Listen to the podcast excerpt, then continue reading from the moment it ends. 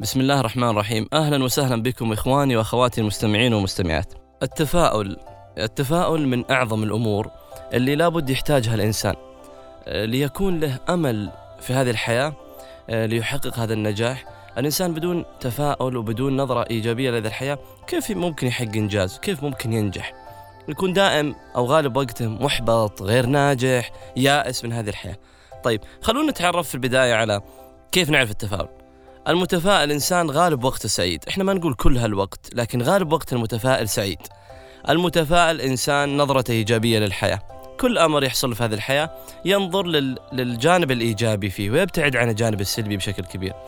أه نلاحظ أيضا الإيجابي روحه عالية روحه سعيدة مبتسم دائما أو غالبا. كما يقول الرسول عليه الصلاة والسلام تبسمك في وجه أخيك صدقة. المتفائل يرى الفرج قريب ويرى المرض زائل ويرى الفقر لا يدوم. ما في شيء يدوم للإنسان من مصيبة أو من حسنة أيضا. المتفائل كلماته إيجابية ومحفزة لنفسه والآخرين. يوم تجلس معه تشعر بهذا الشعور الإيجابي تجاه تتحمس تخرج من من هذا المكان وأنت بحماس عالي جدا لما تريد أن تحقق.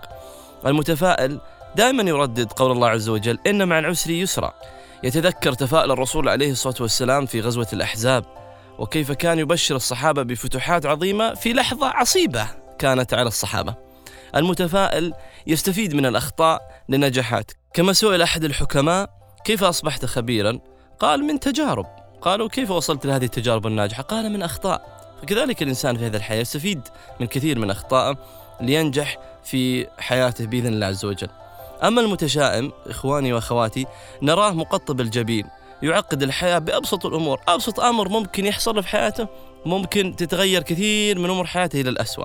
عباراته محبطة لنفسه يتشائم بالمستقبل يتشائم بالعمل بالمال بالظروف بالأحوال.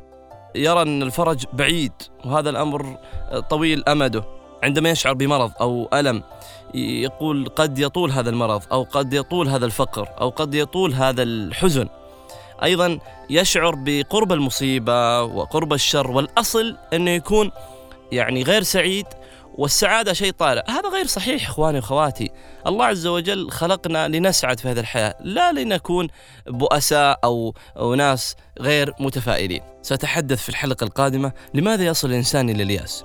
وما هي نتائج اليأس؟ أيضا سنتعلم الوصفه الرائعه جدا في إيجابية التفاؤل وكيف يصل الإنسان لتفاؤل عالي جدا بإذن الله عز وجل طوال حياته. شكرا إخواني أخواتي لحسن استماعكم.